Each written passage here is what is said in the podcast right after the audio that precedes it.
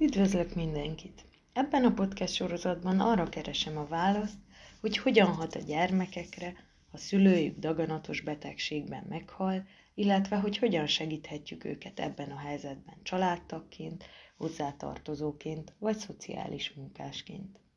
Ebben a részben arról fogok beszélni, hogy melyek azok a legismertebb félreértések, amelyek alapján a felnőttek a gyermekek gyászára reagálnak.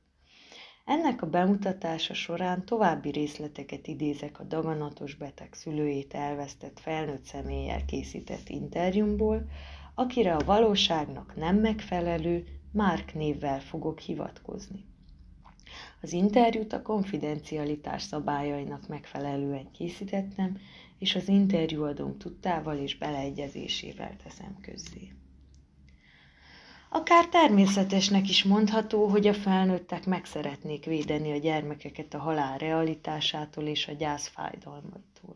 Mivel általában a felnőttek maguk is kényelmetlennek érzik a gyógyíthatatlan betegséggel, halállal való foglalkozást, meg szeretnék ettől kímélni a gyermekeiket.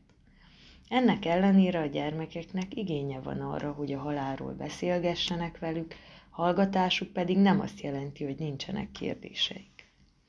Márk a következőképpen fogalmazta meg, hogy tájékoztatás hiányában milyen jelekből olvasta ki, hogy édesanyja beteg, és miért maradt ennek ellenére bizonytalan a helyzettel kapcsolatban.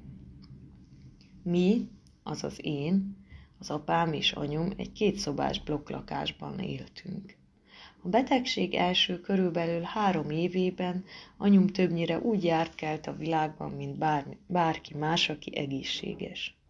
A különbséget ott kezdtem el érzékelni, hogy idővel egyre lassabban, óvatosabban és nehezebben mozgott. Apám és alkalomattán anyum anyukája, nagymamám igyekeztek támogatni őt vigasztalni, gyógyszereket vásárolni, segíteni olyan dolgok elvégzésében, ami neki egyedül már nehezebben ment. Fáradékony lett, aztán egyre többet feküdt az ágyon a nagy szobában. Anyám, apám és mindenki a környezetemben mondta, hogy anyum beteg, de nem hiszem, hogy ez tudatosult volna bennem. Az utolsó percekig reménykedtem abban, hogy egyszer majd meggyógyul. Mamám és apum is monotonon végezték azt, amit tenniük kellett, hogy segítsenek neki. Injekciókat adtak a fenekébe, a hátsó combjába. Enni, inni adtak neki. Majd amikor már kritikus volt az állapota, öltöztették, segítették a mosdásban. Szóval nem annyira szavakban, mint tettekben láttam, hogy mi a helyzet, hogyan alakul. Sokan gondolják azt is, hogy a rákbetegség előre haladott formái esetében kialakult kopasságot, sebeket, lesoványodás, sárgaságot jobb, ha nem látja a gyerek, ezért gyakran kerülik, hogy találkozzon a beteggel. Ezzel szemben a gyermeknek nagyobb trauma a találkozás hiánya, mint a testi elváltozások látványa. Márk szavai arra is rámutatnak, hogy a találkozásra igény, irányuló igény mellett a gyermek érzékeli és nem érti a te, felnőttek távolságtartó törekvéseit. Mintha mama és apum is igyekeztek volna távol tartani engem ilyenkor anyámtól. Az ajtó szinte mindig be volt húzva, csukva nála, mintha meg akartak volna óvni a szenvedés látványától. Idézet bezárva. Az otthoni betegápolás esetében, ami megterhelő folyamat a hozzátartozóknak, gyakran tűnik jobb megoldásnak a gyermek otthonról való eltávolítása. Ezzel szemben a gyermek számára a saját környezete a számára legfontosabb személyek jelenléte nyújt biztonságérzetet. Ezzel összefügg, hogy a szülői aggódás, féltés eredményeképpen sokszor születnek a gyermek feje fölött meghozott döntések arról, hogy részt vegyene a gyermek a temetésen, a lakás átrendezéséről, költözéséről, és így tovább, amelyek megakaszthatják a gyermeket a gyász fejlődésében.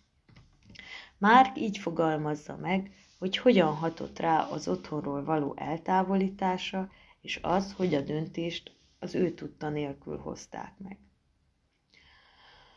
Aztán valamiért úgy rémlik, azt mondta valaki, hogy a gyász miatt apámtól átköltöztem a nővéréhez. Három szobás lakás volt.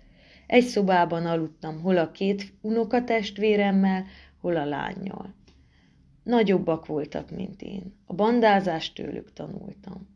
Sok mindenben olyan akartam lenni, mint ők. Menő akartam lenni, hozzátartozni a többiekhez. Diszkókba, bárokba jártunk alkalmakként.